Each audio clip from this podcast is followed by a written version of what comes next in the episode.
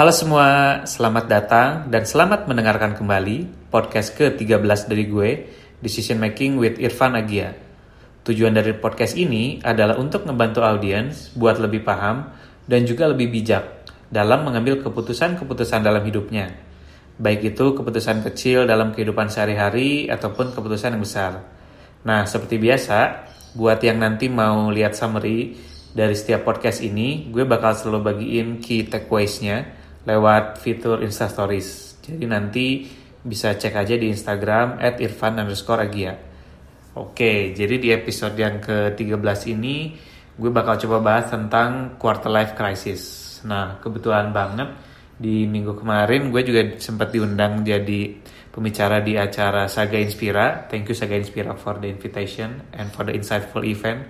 Itu juga tentang quarter life crisis. Nah, jadi ini memang topik yang banyak juga dibahas kemudian menurut gue juga penting untuk di didiskus ya karena sebenarnya ini adalah fenomena atau misalnya transisi yang akan selalu dialami baik secara sadar maupun tidak sadar oleh orang-orang yang rata-rata di umur 18 sampai 25. Jadi memang it's an age of transition gitu. Nah, sebenarnya jadi menarik karena agak aneh. Kenapa? Karena kita ngerasa umur-umur segitu gitu ya, umur 18 sampai 25 and even age 25 itu I think is the best stage of your life gitu. Kenapa? Karena secara biologi, secara fisik dibandingkan dengan umur lain kita tuh sedang lagi prima-primanya gitu lagi secara health memang lagi produktif-produktifnya gitu secara opportunity kita banyak uh, hal yang bisa kita ambil, banyak hal yang bisa kita pelajarin terus juga kesempatan juga lebih banyak. Tapi anehnya justru di masa-masa ini di umur-umur segini tuh orang-orang banyak merasa hal yang tidak pasti ngerasa tidak pasti terus juga ngerasa bingung justru terus juga ngerasa am I in the right path or not? Jadi self doubt kayak gitu. Jadi sebenarnya menarik untuk dibahas. Karena sebenarnya harusnya kita tuh merasa ini tuh this is the best time of our life gitu ya. Terutama untuk teman-teman yang di umur-umur sekian ya di quarter life. Nah, sebenarnya apa sih yang disebut quarter life crisis itu? Jadi kalau dari beberapa sumber, beberapa uh, sudut pandang, terutama dalam sudut pandang psikologi, sebenarnya quarter life crisis itu adalah suatu period, suatu masa di mana anxiety, uncertainty, dan juga inner turmoil itu kita rasakan dalam fase tersebut di di fase tersebut itu di emerging adulthood itu adalah fase yang di describe itu di antara umur 18 sampai 25 tahun gitu. Nah, di masa ini kita akan mengalami banyak transisi. Nah, sebenarnya mungkin banyak juga yang yang nanya gitu ya atau atau yang ber, bingung emang quarter life crisis itu beneran ada ya atau cuma fenomena sesaat doang gitu. Nah, sebenarnya ada research yang menurut gue cukup komprehensif sih dari Harvard Business Review jadi dia mereka itu tim researchnya sempat bikin riset tentang quarter life crisis itu di untuk sekitar 22.000 sampel dan mereka tuh melihat pattern yang serupa gitu di antara age umur 18 sampai 25, kemudian 25 sampai 34. Memang di umur 18 sampai 25 itu self report dari responden-responden ini bilang kalau secara uh, state of life mereka, secara happiness mereka ngerasa justru 18 sampai 25 itu masa-masa yang paling membingungkan untuk mereka. Kemudian juga masa-masa mereka paling sering menerima anxiety gitu, kecemasan, kebingungan dan secara aspek emosional gitu ya, secara hal tersebut umur 18 sampai 25 itu mereka paling low. Tapi ketika melihat grafiknya umur 25 sampai 34, 35 sampai 40 itu mulai naik. Jadi memang ini adalah masa di mana pola-pola tersebut itu ditemukan di banyak uh, orang. Jadi memang it's a thing. Quarter life crisis is is a thing gitu. Dan apa sih sebenarnya signnya atau tanda-tandanya gue merasakan quarter life crisis? Yang pertama itu yang paling terlihat adalah you're questioning what are you doing. Gitu. Lo mempertanyakan apa yang uh, lo sedang kerjakan gitu terus yang kedua you're uncertain lu merasa uh, tidak yakin dengan apa yang sedang lo lakukan sekarang gitu terus yang ketiga ada mulai sense of comparison. You're comparing yourself with others. Jadi lu mulai membandingkan, lu mulai melihat sekarang gue posisinya sekarang ada di mana, kemudian dibandingkan kok orang lain sudah di udah di fase ini, kok orang lain bisa udah dapat kerja gue belum, kok orang lain udah nikah gue belum, kayak gitu. Dan yang terakhir, you feel the pressure to keep up with others. Jadi lu ngerasa ketinggalan, lu ngerasa orang lain sudah sejauh ini tapi lo ngerasa kok gue masih di sini sini aja ya? Apa ada yang salah dengan gue? Lo ada pressure untuk bisa keep up dengan others. Kayak gitu. Nah and why it's happening? Kenapa kira-kira itu bisa terjadi? The answer is decision decision and decision jadi in our early 20s gitu ya di umur-umur masa transisi tersebut kita banyak menemukan bahwa terutama ya ketika kita lulus gitu ya udah ngelihat orang-orang tuh sudah punya jalannya masing-masing gitu udah mulai nggak sama dengan kita. Dan common stressernya itu yang pertama adalah job searching. Jadi ketika kita baru lulus kemudian kita mulai mencari kerjaan kemudian juga kita mencoba mulai menata karir. Karir apa sih sebenarnya yang cocok untuk gue? Terus yang kedua living alone for the first time. Mungkin beberapa teman-teman yang kuli dari kuliah gitu ya dari bangku kuliah udah mulai uh, hidup sendiri ngekos gitu ya karena jauh dari orang tua jauh dari tempat dari rumah asal gitu kan. Terus yang ketiga navigating relationship. Nah relationship ini juga di masa-masa tersebut mulai ada pressure untuk apakah gue harus komit untuk dalam suatu relationship atau tidak lu mulai questioning Kemudian yang keempat adalah making long term personal and professional decision, terutama di, di bagian finance. Kita sudah mulai dituntut untuk cari uang sendiri, kemudian juga uh, mengatur, memanage keuangan sendiri, forecast keuangan sendiri dari yang biasanya kita dari orang tua gitu ya di, dikasih jajan. Sekarang kita ada pressure untuk punya uang sendiri gitu kan, lebih mandiri. Nah, there's so, just so many choices in our life terutama di fase tersebut yang membuat kita kebingungan gitu, membuat kita overwhelmed dan ngerasa now it's it's my responsibility.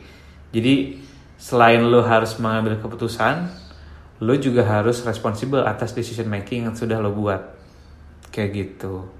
Dan kalau dari teori gue ya, gue melihat sebenarnya kenapa sih hal ini bisa terjadi karena terutama kita ya kalau di Indonesia kita tuh terbiasa dari kecil dari TK, SD, SMP, SMA sampai awal kuliah kita tuh berada dalam satu fase atau satu timeline dengan teman-teman seangkatan kita. Gitu. Kelas waktu SD misalnya kita kelas 1, 2, 3, 4, 5, 6 kita sekelas gitu. Terus juga eh, pas SMP ini kita mulai ada mulai ada teman-teman deket lah ya peer gitu. Tapi tetap dalam konteks kita tuh masih dalam satu timeline masuk kelas bareng gitu kan. Yang ngebedain kan cuma kelas A B C D. But nevertheless we are uh, in the same batch gitu ya satu angkatan.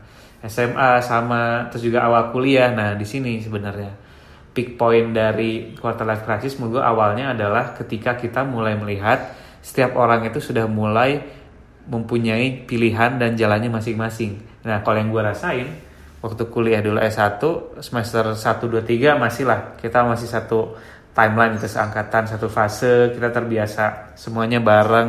Nah tapi udah mulai di tengah-tengah gitu ya semester 3 4 udah mulai ada MKP atau mata kuliah pilihan. Nah siapa orang ini udah mulai ngambil pilihannya masing-masing. Ah gue mau ngambil mata kuliah ini gue mau ngambil mata kuliah ini. Udah mulai terlihat interestnya masing-masing sudah beda di kuliah juga mulai timelinenya tuh udah mulai berbeda. Ada yang lulusnya lebih cepat ada yang lulusnya lebih lama ada yang idealis pengen uh, apa nilainya bagus dulu baru lulus ada yang ya udahlah gue nilai seadanya aja tapi lulus cepat. Udah mulai macam-macam ada yang bahkan udah sambil kerja gitu ya kuliah. Ada yang udah udah nikah pas kuliah. Dan di sini nih mulai kita melihat setiap orang punya their own path dan suddenly kita bertanya pada diri kita masing-masing gitu. Suddenly we have to make our own decision about where our life is heading gitu.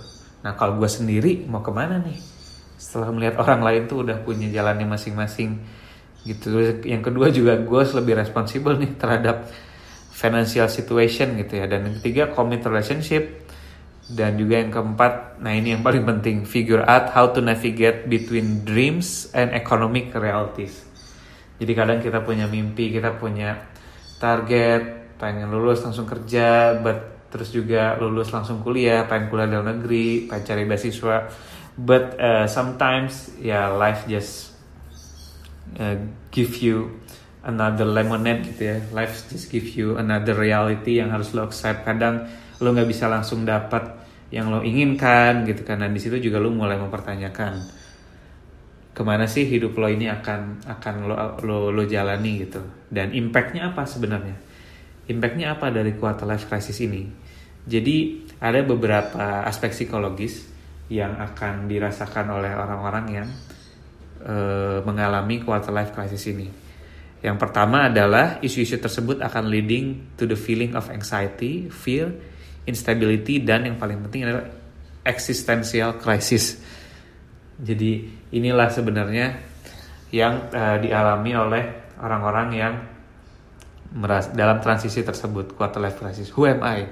Gue ini siapa sih? Ketika tadi kita mau mempertanyakan uh, kalau dibanding yang lain kok yang lain udah jalannya udah di sini gue masih di sini and who am I gitu apa uh, what are the meaning of my existence gitu ya in in the in this world gitu apa sih yang bisa gue contribute. Emang kenapa gue ada lahir di dunia ini dan segala macam? Muncullah pertanyaan-pertanyaan yang leading to existential crisis. Terus yang kedua ini akan muncul self doubt gitu. Lo mulai meragukan diri lo sendiri. Ketika lo lihat mungkin temen lo ada yang abis lulus langsung dapat kerja yang dia suka dapat kerja langsung dua digit segala macam. Ada langsung kuliah ke luar negeri gitu kan dan you start wondering why I haven't been able to follow them to follow their time, the same timetable. Lu mulai self doubt lu meragukan did I major in the writing gitu apakah gue uh, kuliah di jurusan yang benar gitu?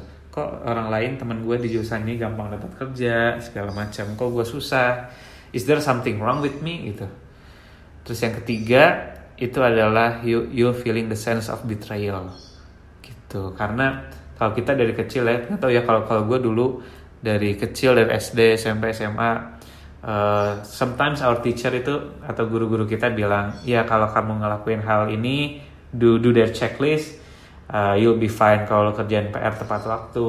Terus juga kalau lo baca sering baca buku kalau lo juga datang nggak pernah telat gitu ya you you already play the rules tapi ketika misalnya ketika lo kuliah habis lulus kuliah lo udah ngelakuin hal-hal tersebut ya, lo udah ngelakuin hal yang orang tua lo minta hal-hal yang guru-guru lo minta. Tapi tetap lo ngerasa kok it doesn't work out gitu. Dan ini akan muncul sense of betrayal. Life is not fair. Hidup ini gak adil. Kenapa? Karena gak ada yang salah dengan gue gue udah ngelakuin hal yang memang seharusnya benar dilakukan tapi kok gue nggak mendapatkan hal yang gue inginkan? Outcome-nya kok nggak sesuai dengan promise-nya kayak gitu. Nah ini juga gue mau share pengalaman pribadi gue sendiri. Gua, kalau quarter life crisis yang gue alami tuh uh, paling berat tuh ketika gue kuliah di luar negeri kemarin. When I'm studying abroad to Leiden University Netherlands. Nah gue ngerasain culture shock di negara reverse culture shock gitu ya. Di sana. Jadi pas awal-awal sih uh, ini ya anticipating gue untuk kerjanya itu eh untuk kuliah di sana tuh happy happy banget gitu. Wah gue keterima di kuliah luar negeri dapat beasiswa segala macam. Wah euforianya dapet lah nah sampai itu ketika gue di bandara terus teman-teman banyak yang nganter keluarga juga nganter ke bandara gitu. Terus ya farewell lah di sana segala macam happy kan. Nah itu mulai gue ngerasanya pas udah masuk uh, pesawat. Masuk pesawat terus HP udah mulai di airplane mode kan. Terus gue mulai questioning wah jir ini this is the time. Ini bener-bener nih ya gue gue kuliah di luar negeri nih. Terus pas nyampe well it's totally totally different dengan apa yang ada dalam ekspektasi gue gitu ya. Pas jadi memang di awal tuh gue ngerasa kayak bakal ini aja bakal trip aja gitu ke ke Belanda. Kayak ya sambil liburan ya tapi man it's uh, it's different. Living and and traveling itu beda. Karena kalau lu kuliah di sana setahun lu living di sana lu harus uh, blending dengan culture di sana lu juga harus beradaptasi. Dan ketika gue masuk pertama kuliah tuh gue ngerasa kok orang lain tuh pinter-pinter ya? Kok uh, bahasa Inggris mereka bagus-bagus lancar? Ya ya of course well uh, tapi uh, poin gue adalah gue mempertanyakan do I deserve uh, this this scholarship? Do I deserve this uh, opportunity? Karena di main di minggu-minggu awal tuh gue ngerasa kayak wah gue nggak bisa keep up gue nggak bisa keep up dengan dengan perkuliahan ini sampai kayak ada ada at some point uh, dosen gue tuh kayak nunjuk nunjuk gue gitu kan. Terus kayak Agia can you speak up?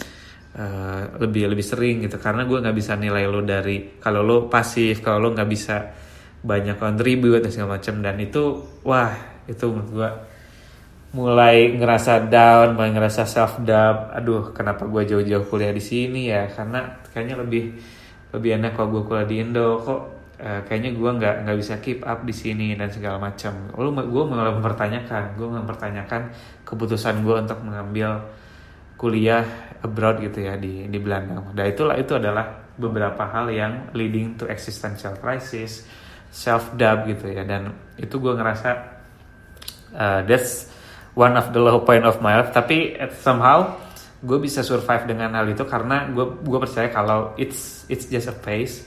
Ini adalah kalau lu mau lebih lebih better lu pengen lebih uh, survive lu harus face itu. You have to face your fear. You have to adapt gitu. Dan somehow gue bisa mulai terbiasa di sana dan it it feels good gitu ketika lu sudah melewati fase tersebut.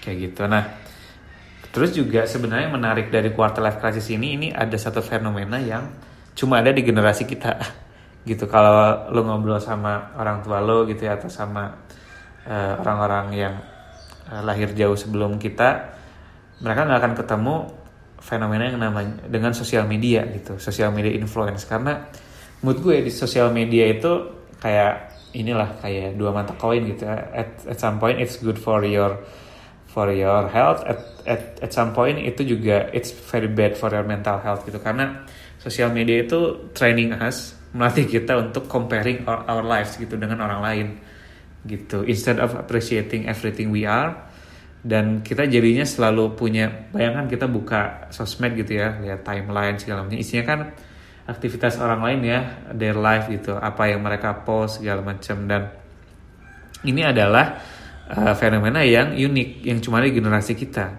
gitu. Karena sebenarnya di sosial media itu kalau kita lihat people live their best life in sosial media gitu. Dan kita jadi mulai mempertanyakan inilah yang terus menjadi stimulus untuk kita questioning ourselves gitu. Jadi instead appreciating apa yang kita punya kita mulai asking apakah uh, yang gue rasakan ini sudah cukup kok orang lain bisa lebih kenapa orang lain happy terus? Well you see in the social media dan sosial media menurut gue sangat jarang menunjukkan day to day reality of people's life gitu. Karena people tend to post message and documenting photos yang to show only their best experience. Dan menurut gue itu nggak translate into realistic uh, life mereka gitu. Dan ada juga istilah namanya FOMO ya kalau teman-teman dengar. FOMO itu fear of missing out. Nah inilah unique problem di this generation. Itu sebenarnya adalah anxiety yang muncul ketika kita ngerasa ketinggalan gitu fear of missing out. Kita merasa kok wah teman-teman gue rajin banget party rajin banget traveling gitu ya kok seneng banget hidupnya. Kita itu akan presi kita untuk keep up. Kita nggak mau missing out dengan event-event atau momen-momen yang wah orang lain sudah sudah sering rasakan kayak gitu. A desire to stay continually connected with others doing kayak gitu. Nah sebenarnya kalau gitu apa sih yang bisa kita lakukan untuk uh, me menghadapi quarter life crisis ini dan perlu gue tekankan bahwa quarter life crisis itu it's inevitable. Itu nggak bisa lo hindari nggak bisa lo tangani. Uh, the, the only thing we can do is to serve with that gitu. Kita kita gimana kita beradaptasi dengan itu. Karena itu adalah hal yang nggak bisa kita hindari gitu untuk mengalami questioning ourselves masa transisi tersebut. So how we cope with it yang pertama, the foremost yang paling penting adalah stop comparing yourself to other people. Gitu, please, please don't do that. Kenapa? Karena we all have our own path gitu, and we have to own it. Dan menurut, menurut gue, uh, life is not a sprint gitu. Lo hidup tuh bukan cepet-cepetan, bukan siapa yang lebih cepat dapat kerja duluan, bukan siapa yang lebih cepat nikah duluan, cepat punya duluan dan segala macam. Well, life is a marathon. It's not a sprint. Jadi setiap orang tuh punya pace-nya masing-masing. Setiap orang punya strateginya masing-masing untuk capai garis finish. Ada yang ngebut di awal, ada yang misalnya ya jalannya slow di awal tapi konsisten. People have, have their own uh, line gitu ya, have their own marathon line dan remember everyone is at different stage of their journey. Lo nggak bisa menyamakan atau mengcompare di mana sih posisi lo sekarang dalam hidup gitu. Dan salah satu yang bisa gue uh, consider adalah you can do a one month digital detox. Ini sebenarnya ini gue juga pernah lakuin dulu di akhir tahun 2017. Gue sebulan nggak gue nggak delete nggak delete Instagram, nggak delete nggak delete akun gue sorry, tapi gue delete apps appsnya aja karena well uh, menurut gue sosial media tetap penting untuk untuk menjadi source of information lo lo nggak bisa completely disconnected lo nggak bisa completely but I think you can train yourself to stop to minim to minimalize uh, your comparison with others. Dengan cara kalau gue dulu one man digital detox sih. Itu menurut gue cukup cukup membantu gue untuk meminimalisir urge gue untuk melihat uh, timeline orang lain, post orang lain, comparing myself with others. And I think you, you can try to do it. Gitu. Terus yang kedua itu adalah believe that it's a normal thing. Crisis is normal. It's I think it's more like a transition gitu. Karena menurut gue itu adalah fase. Dan inilah yang harus bukan menjadi suatu obstacle atau barrier atau hal yang perlu lo hindari. It's a transition gitu. We need to grow up and uh, sometimes we have to uh, face our fear questioning ourselves gitu untuk melewati masa transisi tersebut gitu. Terus yang ketiga ini believe that storm will pass. Ya badai pasti berlalu lah gitu istilahnya. Ketika lo merasakan ini ketika lo at the lowest point of your life bertahanlah karena it's a phase it will pass gitu. Whenever you feeling down confused or anxious about your future about the uncertainty believe that it's a transition. And everybody eventually will get through it gitu. Crisis menurut gue sebenarnya jadi semacam strangely reminder uh, reminder gitu ya but but nothing is permanent gitu. And the only solution is to keep striving gitu. Dan bahkan secara neuroscience gitu ya, ini beberapa riset menunjukkan bahwa our brains otak kita tuh bisa continually adapt dengan uh, adapting terhadap sesuatu yang kita pelajari sesuatu yang kita rasakan. Our brain literally make new pathway every day. Jadi kalau misalnya otak kita pun bisa untuk selalu adapt di setiap transition, well we have to believe that our body is designed to make us survive gitu. Jadi I think the bad news is nothing lasts forever and the good news nothing lasts forever. Jadi nothing's permanent and believe that this storm also will pass gitu ya.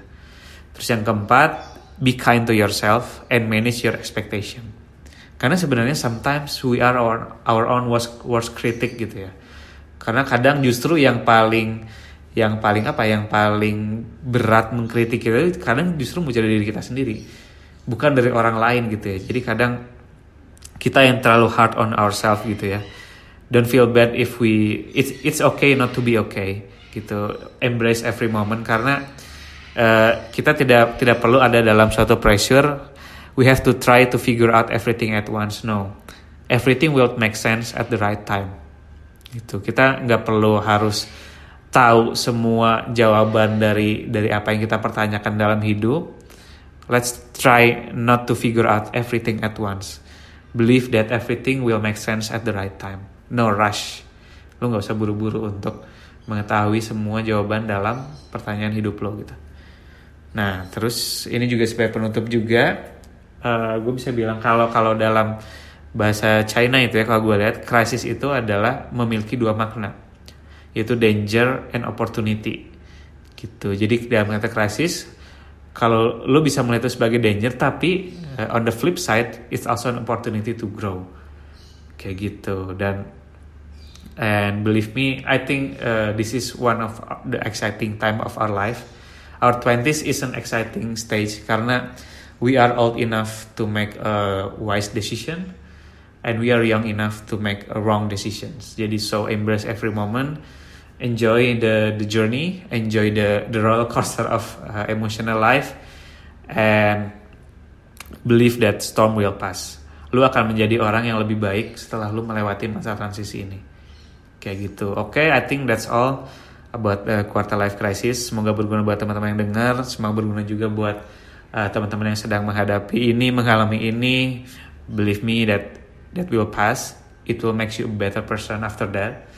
Dan untuk next episode, gue bakal bahas tentang overthinking. Nah, overthinking ini juga uh, salah satu topik yang banyak juga di request gitu untuk dibahas. Dan mungkin penting karena uh, karena mungkin uh, termasuk gue dan beberapa teman-teman yang lain pernah gitu ya mengalami ketika ada hal-hal yang sebenarnya tuh nggak perlu lo pikirin banget tapi uh, somehow it keeps uh, waking you up at night gitu lo terus mempertanyakan you, you overthink it dan oke okay, let's let's discuss and talk about this uh, next episode jadi gue berharap di ke depannya kita bisa catch up lagi di next episode.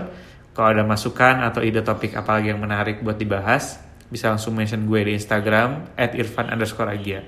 Sampai jumpa di episode ke-14, Decision Making with Irfan Agia. Thank you for listening. See you in the next two weeks. Bye.